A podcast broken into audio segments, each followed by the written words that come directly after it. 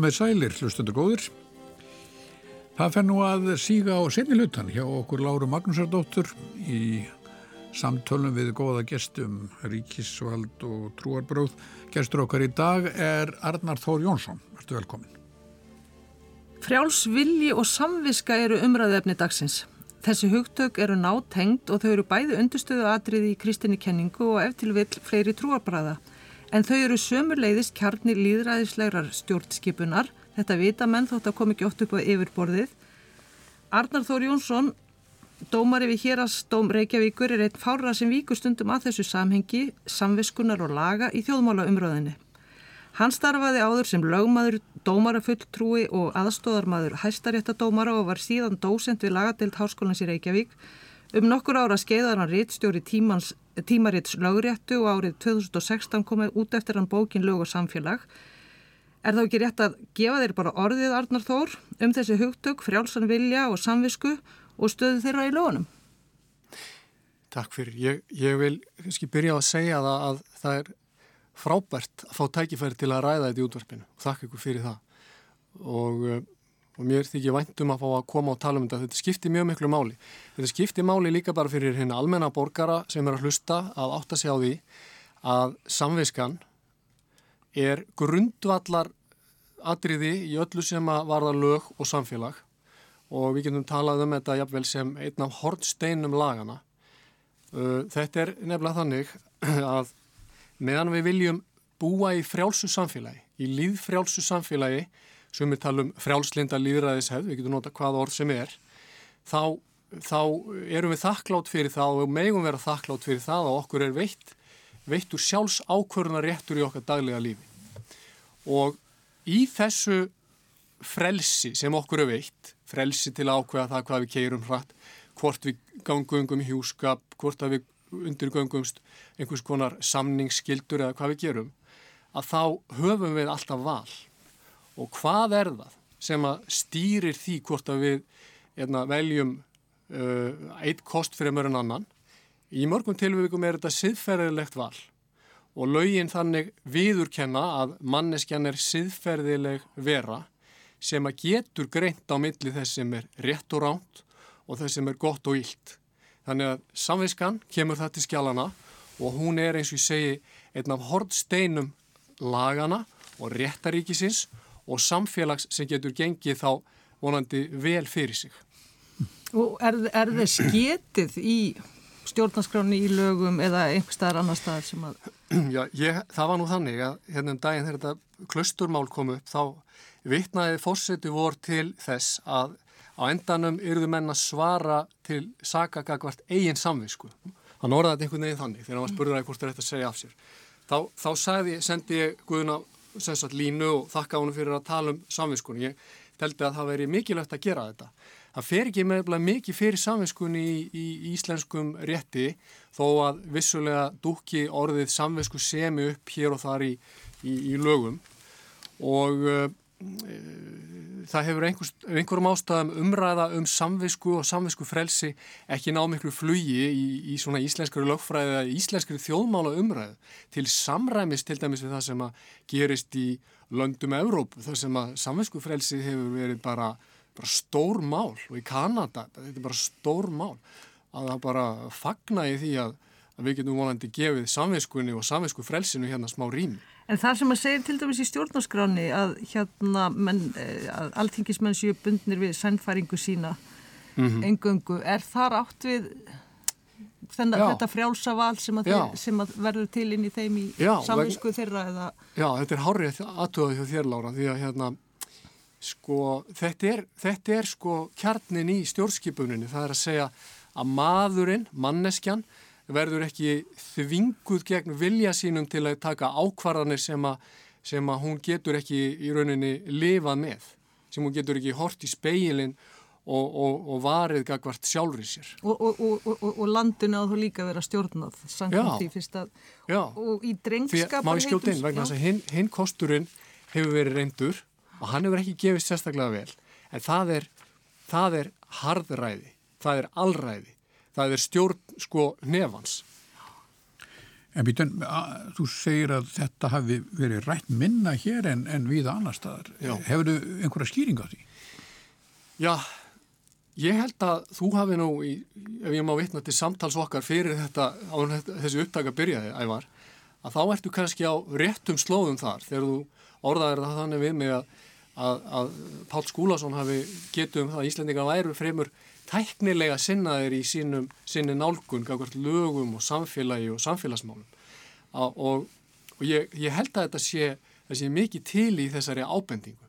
Við, erum, við höfum einhvern veginn, uh, sko, okkur finnst auðveldar að grýpa hérna tæknilegu lausnir og, og laga bóstafinn heldur hann að higgja að sko hinnum, sko, hinnum þessum meireglum sem eru búa á bakvið lagabóstafinn hvað, í hverju hefur þetta komið fram til dæmis í Kanada þessum að Þar bara kemur þetta fram til dæmis í, í tengslum við hérna e, trúfrelsi og e, og e, svona almenna, almenn bara samfélagsmál og, og það var eitthvað mál sem að fór fyrir hæstarétt e, Kanada e, og þau hafa reyndar farið nokkur slík fyrir hæstarétt Kanada sem að að beinlínis er verið að fást við samveinskufrelsið. Mm. Það er nú óvenjulegt að við sko fáum slík mál fyrir, fyrir domstóla hér á landi en auðvitað í miljóna þjóðfélögum eru litbriðin meiri og, og slík mál koma upp. Ég er hérna að tala um bara mjög, þetta getur verið mjög erfið mál sko, Hva, hvað reynir á samveinskufrelsið manna, ég menna á að þvinga lækni til að framkvæma fóstureyðingar það gengur gegn samveinskans, á að þvinga mann sem að tilheyrir uh, trúarsöfnuði sem er friðasinnaður til þess að gegna herrþjónustu. Mm. Það má við nefna einmi svona dæmi. Mm. Jú, jú, og menn náttúrulega kannast við, þeir sem kannast við samtökjun Amnesty International, þar sem er, sem bjögur til þetta hugtak uh, sko samvisku fangi. Já. Það að segja, sá sem er fangelsaður vegna samvisku sinnar vegna einhver sem að berst fyrir og, og samkvæmt sinni samvisku. En láta við ekki yfirleitt döga bara að tala um uh, trúfrelsi og tjáningarfrelsi? Jú, jú og, og hérna og af einhverjum ástæðum þá, þá svona hefur þetta orðið dálítið út undan þó þetta sé eins og segja algjört að mínumati grundvallar atriði í öllri umræðu um lög og rétt og skildur borgarana í samfélagi við sjálfa sig og, og hérna sína uh, meðbræður ef við má nota það orðið eða bara gagvart nágan. En þegar það verða svona þessi dæmi sem þú nefndir þarna sem að e, e, e, um, herrþjónustu sem eru auðvitað ekki það sem kem, gæti komið upp hérlendis mögulega fóstureyðingar það hefur komið upp náttúrulega í sambandi við presta hvort er hérna getur vikið sér undan því að gefa saman mm. e, fólk af sama kyni á meðan þeir róperir ennbættismenn og svo framvegis en þarna sko þarna er erum við komið kannski svolítið nálægt þessu með trúna og trúfrelsi sem að verum að mm. hérna er svona megin umræða efnið í þessum þáttum að því að þarna fer að skilja á milli þess sko uh, þar maður þá að sanna að maður tilheri trúflokki sem bannar þetta tiltekna eða ef ég tilheri þessum, þessum trúflokki hef ég þá kröfu umfram aðra til að neyta að gera eitthvað eða krefðist þess að fá að gera eitthvað. Eh, þekkir, þekkir, þekkjast þessar spurningar ekki já, í... Jú, þetta er auðvitað, þetta er alveg sko klassísk, þetta er frábær spurning líka og, og hérna þetta er klassísk sko, þetta eru klassísk viðfánsefni og þetta getur líka svo auðveldlega komið upp hérna og þegar ég raun og verum á að segja þetta dukki upp uh, svona í, uh, í pólitískri umræðu. Og ég held að að sko það ég ræða þetta út frá trúfrælsinu og, og það má líka ræða þetta út frá öðrum, margum öðrum ákvæðum stjórnarskráru mannréttindi. En þetta er, þetta er, svo, þetta er svo mikilvægt að ræða þetta vegna þess að, að eh, fólk uh, uh, talar þarna út frá hagsmunum sem er þeim mjög hjartfólknir, við skulum bara ganga að því vísu. Og, og hvað, sko, hvað geta lög gengi langt í að viðkenna slíka sér sjónamið og sér hagsmunni án þess að það væri hægt að segja að það væri þá mögulega broti gegn almennri jafnbræðisreglu, án þess að væri hægt að segja að það sé verið að hyggla einum á kostnað annara og, og þarna stendur í raun og veru lögjafinn fram með fyrir eh, miklu vandamáli. Á síðari hérna árum, ég veit eitt hvernig þetta byrjaði, en á síðari árum hefur sko pólitíkin á, á Íslandi og raunverulega á Vesturlöndum einkennst mjög mikið af sko hópapólitík. Það sem að einn hópur gerir kröfum undanþáur eða sérréttindi eða einhvers konar ívilnun uh, og, og þá er lögjafin oft á tíðum að reyna að bregðast við því og pólitíkin að reyna að bregðast við því. En ég held að við höfum á meðan mistáldi sjónar á öðru sem að ég er alltaf að býða eftir að snúi aftur í íslenska pólitík að það sé sko einhver sem að stendur upp og segir erum við ætlum að búa hérna öll saman í einu samfélagi og getum við ekki sett sko þá upp, lagt upp með þá hérna, stefnumörkun að við ætlum að hafa almenna reglur sem að gagnast öllum og þá á þeim grunni getum við búið til gott samfélag. En það er náttúrulega og þannig í grunninn. Það er þannig í grunninn. Það er náttúrulega sko, það er uppleggið í allir okkar samfélagsgerð. En við höfum svona, við erum svona, ég segi ekki að við séum farin út af teinunum, en það eru mörg fyrir því hvað, hvað lögjafin getur sko gert mikið í þessum efnum án þess að riðla í raun og veru þessu, þessum sko almennu sjónamum sem er sér þorkið ljósveitningagóði var búin átt að sjá hérna, árið þúsund þegar hann sagði sko við þurfum bara að hafa ein lög í landin þannig að ef við erum ekki með ein lög ef við erum með sérlög fyrir þennan hóp og, og önnur lög fyrir annan þá endar þetta með ófrið. Þá var hann auðvitað að tala fyrir hérna því að Íslendikar gerðus kristnir en þetta er náttúrulega auðvitað algjörlega hægt á að vera hægt undir eh, hugtökinu trúfrelsi í staðin. Já. Já. Og ég held að trúar bráð leynist víðar heldur en margur hyggur. Getur þú eh, skýrt með einhvers konar dæmum eða svona þetta sem þú varst að segja bara svo maður nái betur tökum á því hvað þú ert, getur nefnt einhver af þess að hópa eða, eða sér kröfur sem að myndi mögulega falla undir þetta? Sko, ég held að hérna á þess að maður myndi kannski á þessu stíu vilja fara að tala um einhverja sérstaka hópa. Ég, mér finnst þetta frekka að vera svona almennt einkenni pólitískrar umræðu og í raun og veru stórkostluður ágalli á pólitískra umræðu að það er alltaf verið að ræða þetta sko svona úr láréttri, sérstaklega út frá láréttu sjónarhóttni en það er minnum það að þessi tekið sko lóðrætt sjónarhótt og, og loftmynd af samfélaginu og hugsa um heldarmyndina. Skiljið þér rétt að þú ert þá að tala um þetta, sko er eitthvað sem að lendir á framkvæmtavaldinu, kannski sveitafjólugunum að taka ákvæðanir um mögulega svona eins og um mataræði í skólamötuneyti út frá já, því að það, það sé það, það er, fólk sem ekki má borða tildekirna fæðu Einmitt. inn í þessum skóla. Já. Já, ég, þetta, þetta, þetta er gott dæmi. Slæðumálið í útlöndum sem við erum ekki komið með alveg ennþá. Já, en... einmitt, þetta er gott dæmi. Ég held að sko, ok, við, við erum, það er árið 2018, 2019 og, og það er alltaf að tala um fjölbreytileikan mm. og við fögnum fjölbreytninu og allt það. Sko, þá hlýtur fólk að með að vera bara alls konar og hérna, og þá verður sko allt svo erfitt þegar að hérna, það er farið að ætlast til þess að embættismenn, sveitarfélög, ríki sem við komin í þjónustu einstakra hópa. Þegar að sko prinsipi hefði maður haldið að bara allir mættu bara vera eins og þeir eru og, eh, og þeir sem eru þá öðruvísi og vilja bara kannski áfram borða kjötbólur í hátteginu þeir megi bara halda áfram að gera það. Sko hérna þannig að það, þetta má ekki punkturum einu þessi. Það sko stjórn umræða um trúmál umræða um stjórnmál umræðum samfélagsmál, um, umræðum lög. Sko hún, hún á ekki í frjálslindu samfélagi að snúast um bönn. Hún á ekki að snúast um það að einhver fyrir skipi mér hvernig ég á að hugsa, tala, skrifa klæða mig og svo framvegis. Já og það virkar þá náttúrulega í báðaráttir eins og Já. með kjöttbólunar að þá, að, þá ekki að þvinga neitt til þess. En, en, en sjáum við fyrir okkur sko þarf að búa til einhvern veginn nýjan vettvang til að ræða þessi mál því að þau eru náttúrulega sannarlega eru uppi. Þess, þessar spurningar Já. og þessi nýja staða þar sem að fólk hefur Og, og, og nú er þetta ekki bara þannig að það snúist um, um trúmál eða, eða utanaðkomandi fólk, fólk verður sko, tekur bara upp ímsan í að siði verður græmitisæður, ætur og vegan og hitt og þetta sem að það hérna Já.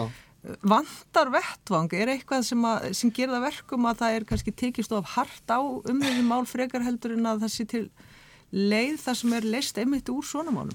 Þurfaður öðruvísi vettvang en Já, ég held nú í einfældni minni þegar ég hérna, fór hann á andlitsbókina á svo að, að það væri einhver vettvangur til þess að eiga samtal ég, á Facebook þegar ég fór hún á Facebook já, já Facebookin þá held ég að að þetta eru vettvangu til að tala saman sko.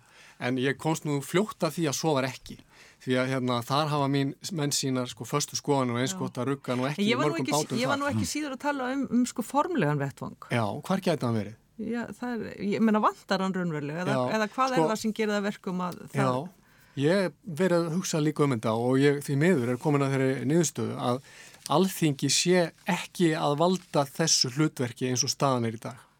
Það ætti að vera vettvangur einmitt til þess að ræða sko á, á svona aðeins hærra plani og, og, og ekki, sagt, vettvang, við þurfum að finna vettvang og við þurfum að finna leiðir til þess að geta tala saman eh, hérna, uh, þannig að ég þó svo að ég telli mig að hafa höndlað einhvert sannleika þá sé ég tilbúin að hlusta á ykkur.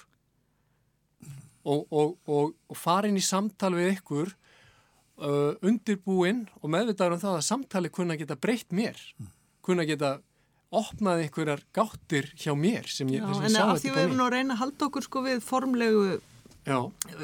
hliðin á málunum, ríkisvaldið þá hefur ríkisvaldið raun og veru þessa skoðun eða sem sagt það á, það er, það á að vera hægt að koma ímsu á framfari og það er ákveðna leiðir til þess að ná fram breytingum eða koma í veg fyrir breytingar Já á þessu sviði sem að varða trúmálinn þá er náttúrulega markmiðið ekki að, að annar aðilinn ef ekki ráð fyrir þessu bara tveir skiptum skoðun heldur þvert að móti að báðir geti komist áfram í friði án þess að hafa skiptum skoðun. Er það? Já, maður mað á ekki þurfa að skipta um trúabröð, sko. Nei, nei, nei. En, erum, hérna, það er það sem er, við erum svona í kjarnan að tala um. Já, ég, ég sko. sammála, við þurfum að, ég sammála því, við þurfum að virða, sko, trú annars fólks og eins og ég saði á hann, þá, þá leynist nú trúin all víða og víðar heldur en, sko, heldur en við sjáum kannski við fyrstu sín að hún leynist ekki bara í kirkjum eða moskum eða sínagókun, sko, hún leynist víðar, við trúum alls konar hluti, en, en það er ekki þar með sagt að þó við berum auðvitað fulla virðingu fyrir trúarlegri afstöðu fólks að það sé ósnertanlegt. Og ég held að einn gallin við sko það hvernig við erum að nálgast þessi mála á Íslandi og þá viðum fyrir miður, löndin í kringum okkur líka að þegar að við erum farin að ræða, segjum bara viðkvæm mál sem að varða dýfstu samfæringu fólks, þá slær fólk skildi utanum sig og oft með tilvísun til trúfrelsis og segi þetta máttu ekki segja, þetta máttu ekki gaggrína. En málið er í frjálslindu samfélagi þar sem að hérna, við viljum bara leifa fólki og við viljum virða val, val einstaklingsins, þá held ég að trúabröðin uh, verði eins og allir aðrir í okkar samfélagi að vera tilbúin að rögræða við uh, hvern sem er og, og að í raun og veru engin trú get, sko, hérna, sko, engin trú í raun og veru má, þólir það að verða að kreddu, að verða bókstafstrú því Já. þá er svo stutt í ofstækið þannig að ég þó að ég, sagt, og mér finnst bara heiðalagt kakvart hérna hlustendum, ég meina ég, ég bara get sagt það, ég veit að nálgast ég þetta sem út frá minni trú en þú veist ég er alveg, ég er alveg áttaður á því að, að kannski bara er eitthvað aðna sem ég hef ekki áttað mig á. Ég vakna upp í ángist á mótnan og áttað mig á því að ég skil ekki allar hluti og það sem ég vil tel mig skilja það kann ég hafa miskili En hvað segir um þetta sem dómari þá? Sko ég, ég segi það um þetta að hérna þegar að, þegar að lögmenn koma fyrir dóm og flytja mál þá er ég því fegnastur þegar að menn takast hressilega á hjá mér. Því að það eigur líkurnar á því að ég fái skýrasta mynd af málinu þegar bæði sérst, rauk með og á mótur er leitt fram þá hjálpar það mér að nálgast eh, ykkur að niðurstu og, og Ég útiloka það auðvitað ekki þegar ég fer inn í málflutning að ég muni mögulega þó ég sé komið einhverju hugmyndum málið að ég muni komast að annari niðurstu og ég held að svo regla eigi raunin að gilda í öllum samtölum þegar við förum inn í samtal þá útilokaði ekki að ég muni koma út úr því með allt aðra hugmyndur ég fór inn í það með. Mm. Og sem dómari þá ber ég skildur gagvart sko málsæðilum og uh, mínar skildur felast í því að ég á að hlusta á alla aðila og ég hef ekki að dæma það út frá útliti, kynferði, uppbruna eða eignastöðu eða neinu slíku. Og þá táknar þetta réttlæti skíðan, þessi klassíska mynd, sínir þetta vel því að það er bundi fyrir augun á henni. hún sér ekki hérna, hverjir eru málsæðilar. Það er lagt á vogaskálinnar. Akkurat, svo eru, eru sjónamiðin lögð á vogaskálinnar og það getur nefnilega verið að það komi fram einhver svona silfur hérna, bissukúla, eins og sagt er, sem bara breytir öllum valdastruktúrnum eða öllum sko málefnastruktúrnum þannig að málið hallist allt í hennu bara á annan vegina því að þetta eru sko svo góð rauk og síðan verður að beita sverðinu til að, til að komast að niðurstu og ég held og ég hef sagt það áður að þessa reglur þær gilda fyrir dómi, þær eru undirstöður í, í réttaríkinu og ég held að þetta verði, við verðum að reyna að láta þetta gilda bara líka á þessu vettfangi sem þú ert að tala um Lára, hvar sem við finnum hann, að við reynum að nálast, nálgast nálinn sko af óhlutregni, fordómaleysi og uh, að virðingu fyrir þeim hagsmunum sem um er að tefla og þeim tilfinningum sem eru til stað. Já og þar kemur samviskan inn Já. Og við erum að tala um trúfrelsið og Já. inn í trúfrelsinu er líka, við höfum talað um það í öðrum þáttum þessi lögjöf sem er um, um trúfjölögin og svo framvegis. Mhm. Þú skrifaðir grein sem að mér fannst ansi aðtiklisverð ný orðin dómari eða hafi verið ekki, hafið störf sem dómari að því að þau komið upp ja, eh, hérna, það var nýbúið að setja síðarreglur þar sem sagði að mætti fólk, mætti, Mhm. að dómarar mætti ekki verið í Mm einhverjum tilteknum hvað leinifélögum eða ég man ekki hvernig það var orðið. Já, það var, ég man og ekki þá, hvernig þá, þá er þessi skemmtilega spurning sko má dómari vera frímúrari? Já, já, uh, hann má augljóslega tilheyra alls konar trúarsöfnuðum eða engum trúarsöfnuðum hvaða, en hvaða öðrum félögum má hann veri og má ekki veri og þá Einmitt. fannst mér aðtiklisvert sko, einn sterkusturvíkin sem þú varst með þarna fyrir því að dómari mætti vera frímúrari væri svo að sko það væri, það væri ekki leini regla í þeirri merkingu að það væri sko engin vissi hvað þetta væri, heldur vita allir hvað frímúrari er og geta fengið að vita það eða vilja. Mm En þetta er svona spurningin um það líka að, að, hérna, að sjónarmiðin sem maður hefur síu, annars vegar prívat er mín samvíska og mín, mín trú og allt það, en að ég þarf samt að koma sagt, fram, ef ég ætla að taka þátt í ofnböru umröðu þá þarf ég samt, þarf fólk samt að vita hver ég er. já, ég er sammála því. Að mikilvægt að fólk viti sagt, hvar maður staðsetur sig. Og hérna en uh, já, ég, ég skrifa þessa grein út af því að það segir sko í ný, nýjum sérreglum sem voru setta bara rétt ára en ég var skipaður að dómarar sko það kemur nú fram að, að sko dómarastarfi leggja mönnum á herðar og takmarki frelsi dómar til samfélagsleira þáttöku og tjáningar og gerir ríkari kröfu til háttsemi en almenntur gera til annara og svo hérna er sagt að, að þeir megi sem sagt uh, að uh, þeir eru ekki að taka þátt í stjórnmálabaráttu og það kann að eiga við um þáttöku í einsum félögum sem hafa yfirlýst pólitísk markmið eða félögum þessi leindkvílir yfir séreglum, félagatali eða starfsemi félags og minn punktur var bara sá að því að það var beinlinis vísa til frímórureglunar á fundi sem var haldin stutt eftir í komandina að frímórureglan er, er ekki leinifélagi þessum skilningi og ég, var, ég bara var að undistrykka það að það eru vissulega dæmið þess að frímárreglur hafa verið bannaðar en ég er ekki vissum að þessu og, og fólki hafa verið bannað að taka þátt í slíku starfi að það er ekki viss, ég er ekki vissum að þessi ríki sem við viljum sko bera okkur saman við því að það eru allræðisríki mm. Þau leggjast gegn frjálsi hugsun. Og frímúrastarf hvetur fólk til frjálsar hugsunar. Já, það- og hvetur hver- fólk til þess að hlýða ekki hérna að minnstu kosti án hugsunar valdi, hvort sem það er pólitíst eða einhvers konar umvöndunar vald síðapostula eða trúarpredikara. Heldur hugsa málið. En þe- þetta er, þetta er samt svolítið svona, mér finnst þetta svolítið skemmtilegt sko að því ég er að hugsa um þetta með trúfjölögin og svona og þannig eru komin sko félög sem eru ekki trúfjölög en það er orðið samt spurning um sko eðli félagsins. Og, og, og, og svo spurning verður í raun og veru doldi mikilvæg vegna þess að dómari sannlega sko hann tekur á sig ákveðin höft. Já, já, og, og það er þá líka spurningum sko hvar liggja, hvar, hvar er línan dregin þar? Já, og, og þá þarf, þá er aftur komið að svipuðum spurningum eins og ég er alltaf að koma með hérna, er, sko, þá þarf ríkisvaldi í raun og veru að hafa hugmynd um það hvað þetta er til þess að þið geti tekið afstöðu til þess, til þess að veita verndina eða til þess að til dæmis að dæma, setja lög um það hvernig hérna en sko í samkvæmt öllu þá á, á ríkið eða ríkisvaldið getur ekki skilgrænt trú. Nei, nei. Uh, veit, nú er ég að fara aftur úr þessum félögum. Uh, en þarf samt einhvern veginn að gera það? Já, ég menna í svona, ef það kom upp dómsmál þar sem einhver ber því við að, að hann get ekki fyllt lögum af trúar ástæðum, þá mætast, þá, þá mætast annars vegar hefur trúarlega vald og hefur verallega vald. Og í raun og veru má segja... Hefur trúarlega vald er í raun og veru ekki til, það er, þjó, þá er þá bara samviska þess viðkomandi manns. Það má segja það, það má segja það. það er, því formlegu skilning er það ekki til. Já. Akkurat sko. Hér á landi eða í mýræðsíki. Sko, að, að það er það sem ég ætlaði að segja, Lára, og þú þekkir þá nú betur en ég, en þegar þetta tvent rekst saman, að sagt, veraldlegt vald og, og einhvers konar trúarhugmyndir, þá ræður hefur veraldlega. Því að það setur lögin og svo framvegs. Í ríkinu, já. Já, í ríkinu. Já. Og var þetta ekki útkljáð bara á Íslandi, myndur þú segja að það hefur verið útkljáð bara um síðaskip, með síðaskiptónum endanlega eða?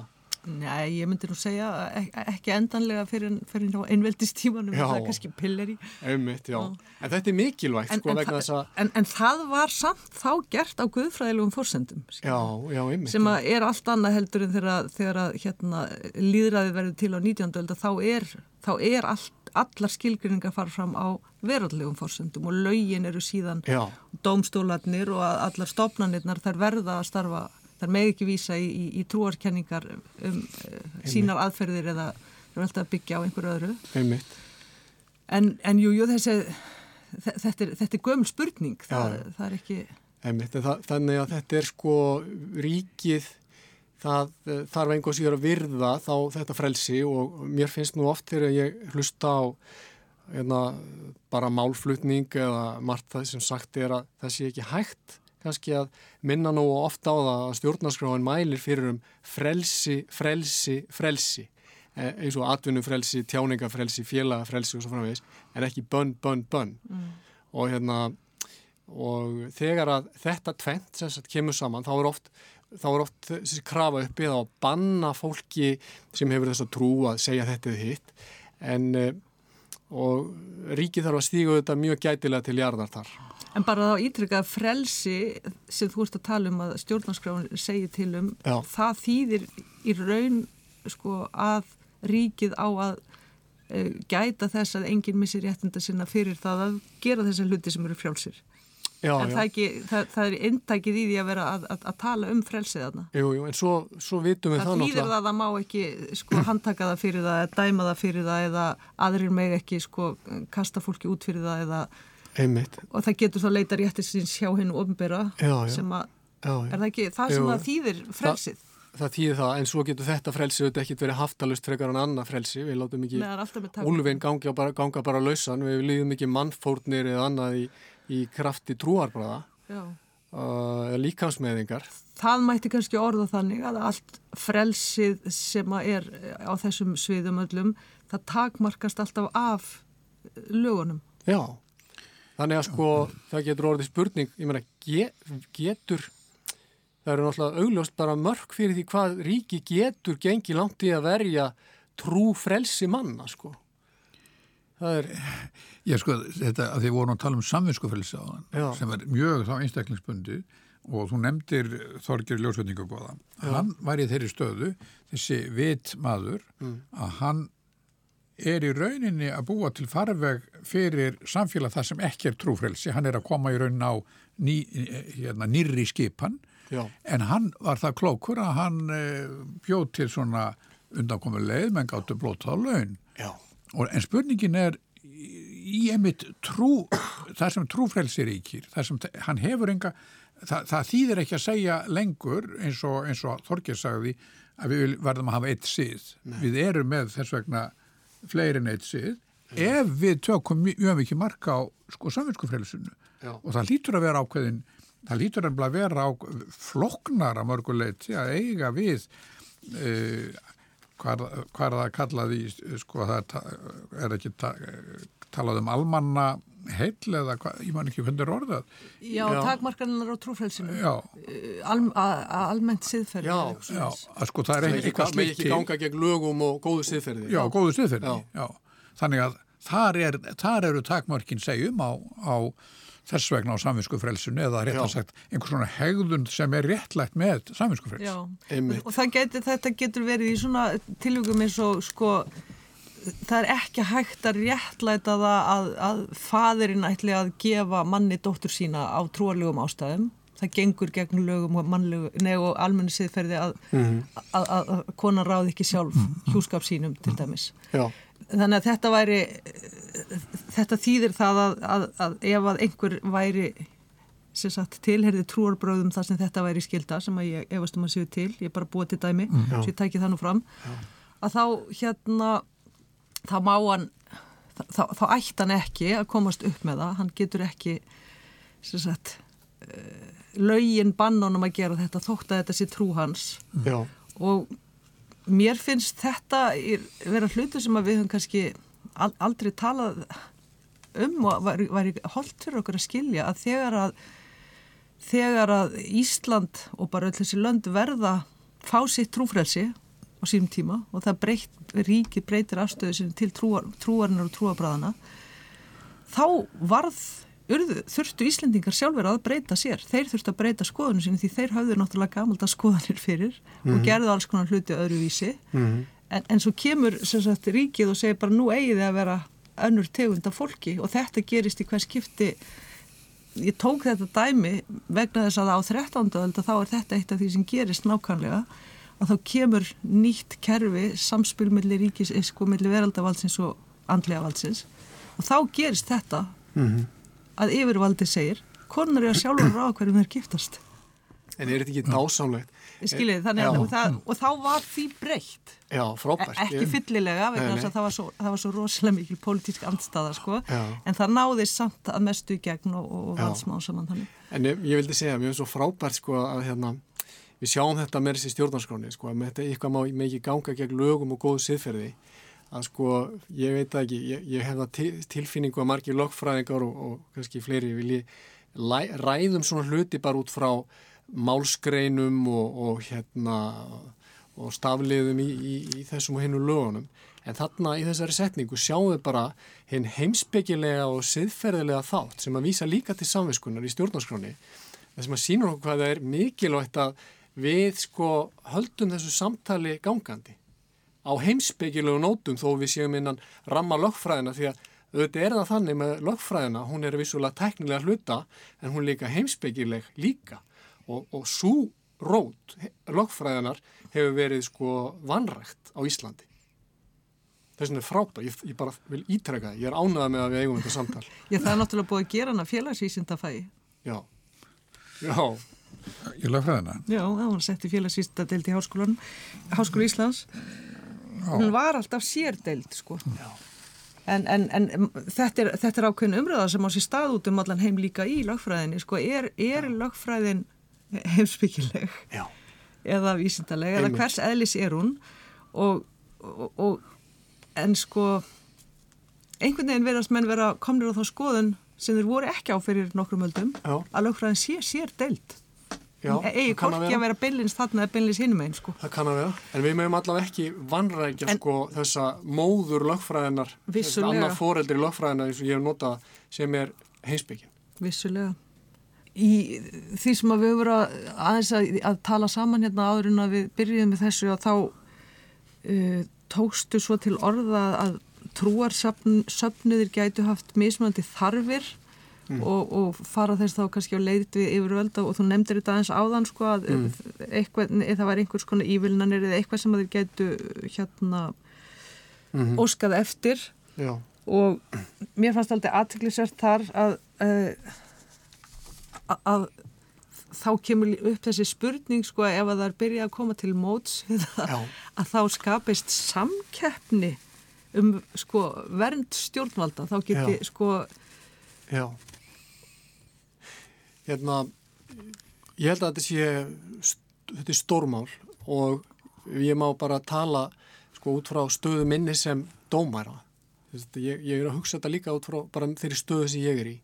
Ég eiginlega, ég vil ekki segja að ég vakna upp á nóttunni meðan að nótta en það kemur fyrir að ég fæ svona óþæginda tilfinningu þegar ég heyri fólk, ég menna þetta getur verið, við getum alveg séð fyrir okkur að einhver trúarleið tói eða það getur, getur verið einhver pólitísku leittói eða, eða talsmaður einhver svona hóps eins og þú ert tala um Lára sem fyrir að gera kröfum um það að lögjafinn seti lög og slá yfir skjaldborgunar þennan hóp umfram aðra og ég vil slaka, það verði slaka á sönnunakröfum, það verði hérna lengt í fyrningafrestum eða, eða hérna vikið einhvern veginn frá megireglum þess sem við myndum kalla bara hérna réttaríkisins. Sko þá er, þá er minn ótti sá að ef að lögjafa samkoman stendur ekki í lappirnar gagvað slíkum þrýstingi því oft byrtist þetta í, í formið þristings og við, þú þekkir það líka betur en ég lára í gegnum söguna hvernig sko trúar, reyfingar hafa jafnvel náð sko völdum og byrja og síðan, síðan smitast þetta yfir í laugin og mínar ágjöru þessar að ég, einn daginn, muni standa fram með fyrir því að ég að dæma einhvern í fangelsi eða til sektar eða refsingar á grundvelli slíkara laga sem að ég tel að gangi raunverulega gegn sko megireglum réttaríkisins og ég er ekki búið það til. Hérna, e, ríki sem að í rauninu töldu sér standa miklu framar okkur í menningarlegu, hérna, listrænu og sögulegu tilliti hafa árið þessu að bráð og ég get bara að tala um hérna væmar liðveldi í Þískalandi. Allt í hennu stóðu bara dómarar þar, hámentaðir menn og eflust bara frómir menn sko frammi fyrir því að ég ætti bara að fara að framfylgja sko mjög illgjarnum lögum. Það sem að menn eru sviftir eignum af því að þeir eru gýðingar, það sem á að senda þá í einhverjar vinnubúðir af því að þeir eru síkaunar og annarkort stendur dómara frammi fyrir því að hann bara hlýðir laga bókstafnum og, og, og hendir heimsbyggið þegar þættinum út um gluggan eða þá að hann tekur þá áhættu að reyna að hveð upp dóm út frá samvisku sinni þar sem að aflegginga getur orðið þær að, að honu verið hendi hakkavelina sjálfum. En getur það farið saman að, að, að hérna dæma eftir lögum sem ganga gegn samvisku dómarans e, er hann ekki bara, þarf hann ekki bara að segja af sér? Eða hvernig? Jú, ég held að þetta er nefnilega, sko þetta er, menn hafa mjög mikið rætt þetta, sko hvernig gati þetta gæst til dæmis í Þískalandi, að þeir örðu í rauninni bara hérna, auðsveipir þjónar valdsins, dómarannir og Hans Petter Graver sem er fyrirvæntið deildahósti lagadeildarinnar í Oslo, háskólanins í Oslo, hann hefur nýlega sagt, fyrir kannski tveimu, þreymur árum skrifað bók sem að fjallar um þetta efni. Ég held, mér minnir hún heiti hérna uh, Judges on Justice, eitthvað svo leiðis. Það sem að hann er að tala um það hvernig gátu dómararinu brúðist sínum aðstu hugssjónum, aðstu hugssjónum réttaríkisins, hvernig gátu þeir brúðist þessu fólki sem er hann að hold og blóði fyrir fram á hérna, til þess að vera, þess að vera þjónar hérna, þessa ægilega valds þessa, þá hérna, vald sem að gín yfir öllu og, og fyrirskipar allt ha, mm. og þá, þá hefur svar sumra verið og það er ágæti svar, Lára að þá eigi dómar að segja af sér og ég, ég get alveg tekið undir það síðan er önnur leið, það væri náttúrulega bara að segja erum við erum hérna eins og kom fram í Nürnberg-réttarhöldunum að, að sko við erum bundin hvað sem að laga bókstafurinn á hverjum tíma segir þá erum við mennirni samt sem að bundnir af æðri lögum sem falla aldrei og gildi. Og þetta er náttúrulega eitt af því sem að verður til eftir setni heimsturöldina, þessi tilöndur sem vera með svona einhver yfir þjóðlega lög, það er Já. hérna maður réttundarsáttmálinn og saminuðu þjóðirnar og það kemur það ekki mitt upp úr Jú. þessari stöðu að Jú. það verður reyna að eiga við það að það Já, er reyna að gera það fyrir það að þetta gerist aftur. Já. Þá er þetta leitt í, í svona alþjóðlega sáttmála og það niður í landslög. Já, og þá hefði slíkur, dómar í slíkri stöðu, þá hefði hann eitthvað í að vísa beinlinis. Hann, hann gæti farið út fyrir sína eigin samvísku að því að hann er því náttúrulega, kemur ekkit vel út úr því að segja af sér bara.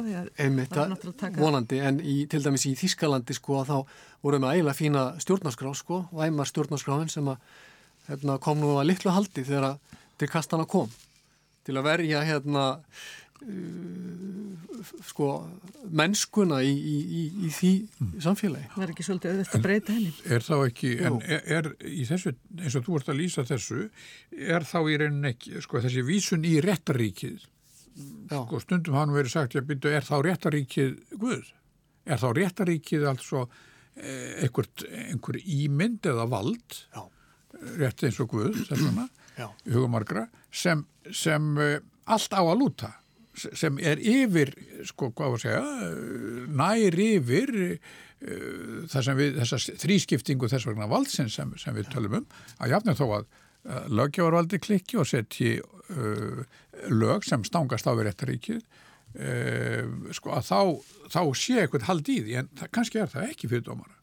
Sko, það er svo gaman að tala við ykkur. Ég vildi að þessi þáttu vera lengri, en þetta er góð spurning. Réttaríkis, þegar fólk tala um réttaríki, þá nefnilega er ekki alltaf lögður sami skilningur í hugtakið. Það er annars vegar til það sem við getum tæknað kallað sko formlegt réttaríki og þar koma fram hugmyndir um það að það þurfu bara að byrta lögin, þau þurfu að vera skýr, fyrirsjálega og svo framvegs.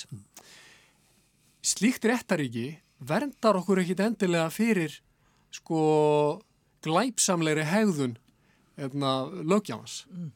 fyrir því að, lögjafin brjóti gegn mér og ykkur vegna þess að, svo ég taki aftur Þískaland, þriðaríkisins þá var vissulega þessum uh, verkum stýrt með lögum mm. og margir harstjórar heimsins nota lög mm. til þess að greiða fyrir íllum ásetningi sínum. Síðan er það hinn skilningur réttaríkisins sem er viðtækari og er á stundum talað um sem efnislegt réttaríki og þá bætist við svo hugmynd að fyrir utan hið formlega, fyrir utan það að við þurfum bara að byrta lögin og hafa þau skýr og fyrirsjónleg, þá þurfum við líka að vera bundin af sko af eilífum, almennum og óbreytanlegum meginreglum um mannlega tilvist sem segir til dæmis við drefum ekki annað fólk, við ljúum helst ekki að öðru fólki svíkjum ekki og meiðum ekki og við veljum þið góða frekar henni í illa. Mm. Svo þessi umræða er lifandi vonandi í, í hérna, íslenskari lögfræði og hún er það vissulega í erlendri lögfræði og hún verður að halda henni lifandi. Sko.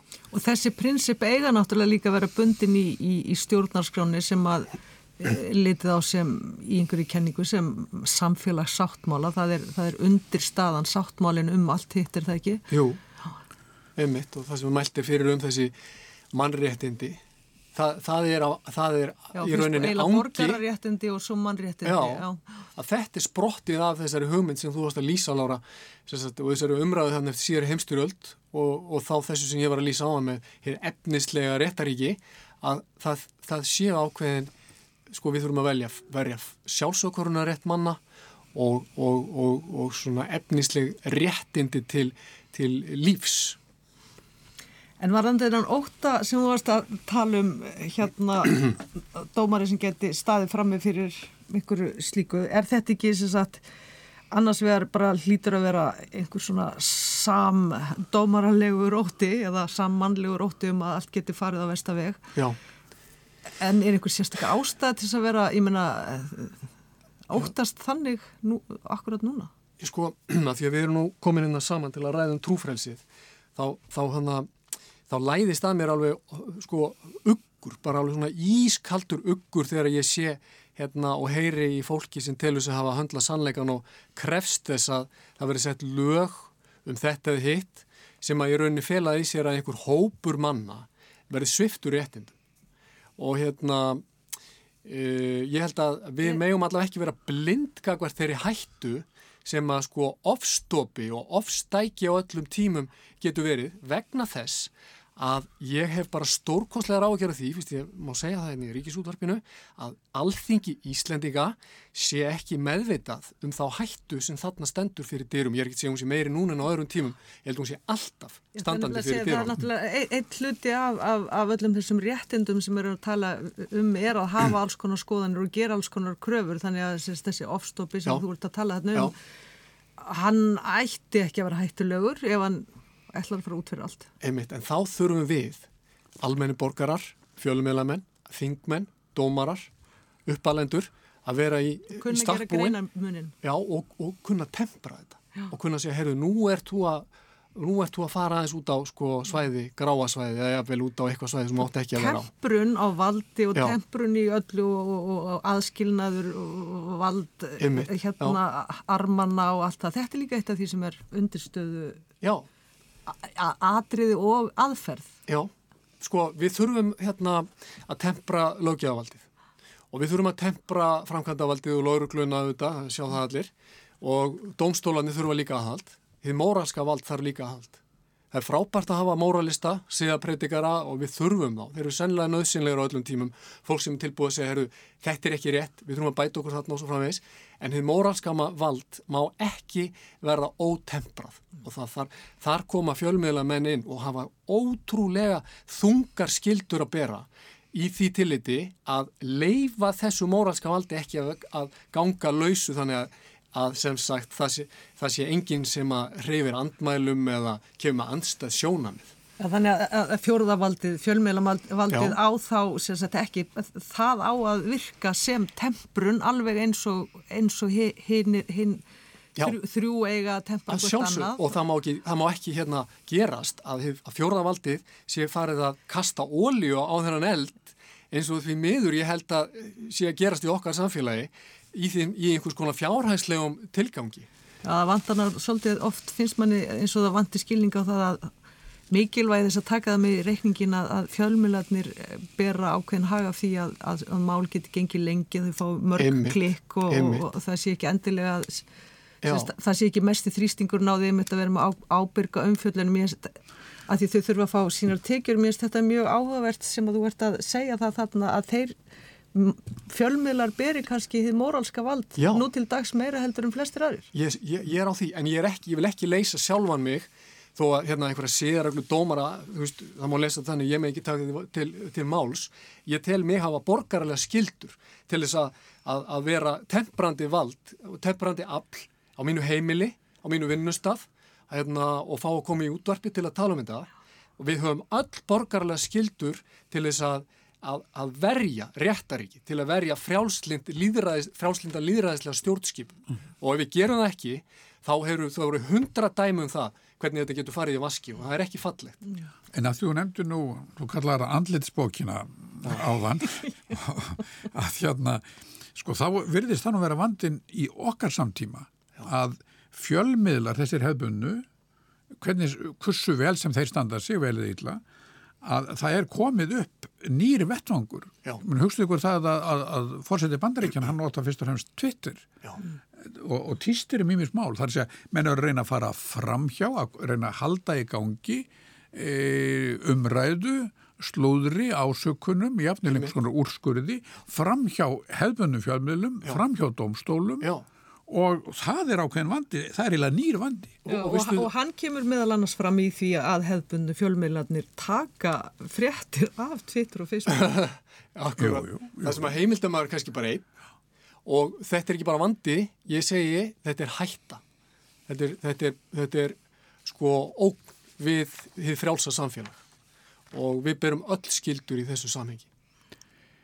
Og þá er einlega, sko nú, við höfum kannski ekki svo mikið farið djúft í umræðu efni okkar um trúfrelsið mm. en, en vegna þess að við göngum svo, já, við tökum það sem gefið í rauninni. Þetta er nefnilega eitt af því sem að leiðir af öllu þessu. En, en, en, og, já, og spurningin er kannski svona rétt í lokinn, Arnar Þór, sko, eru, sko, eru samskipti bara yfir leitt? Eru þau of, eru þau of, hvað var að segja, eh, harkaleg og of kannski bundin í lagagreinar? Já, ég held, ég held að það sem hefur gerst er eftir því sem skipul og trúabróð hafa látið undan siga, þá hafa að, aðrir þættir í, í lífi okkar og, og ekki síst á stjórnmálinn, stjórnmálskoðanir, stíið upp á predikunarstólana. Og, það, og, sagt, og fleiri og fleiri verða sko einhvers konar fundamentalistar og, og bókstafshygjumenn í, í sko sinni lífskoðun og þarna er bara eitthvað sem við þurfum megum ekki að vera blind fyrir Sko auðvitað er þetta, í, í kjarna þess sem við getum kalla bara mennsku og mannleg reysna að verða trú og trúar bröð en við þurfum að læra að umgangast hvert annað af auðmygt og læra að hlusta og virða skoðanir og, og viður kenna það að við búum ekki öllu yfir hinnum endala sannleika. Þetta verða lokhórðin í dag. Arnar Þóri Jónsson, dómari, bestu þakki fyrir að koma í þáttinn til okkar Lári Magnúsadóttur og tala við okkur og hlustendur. Mínu álmeðina. Música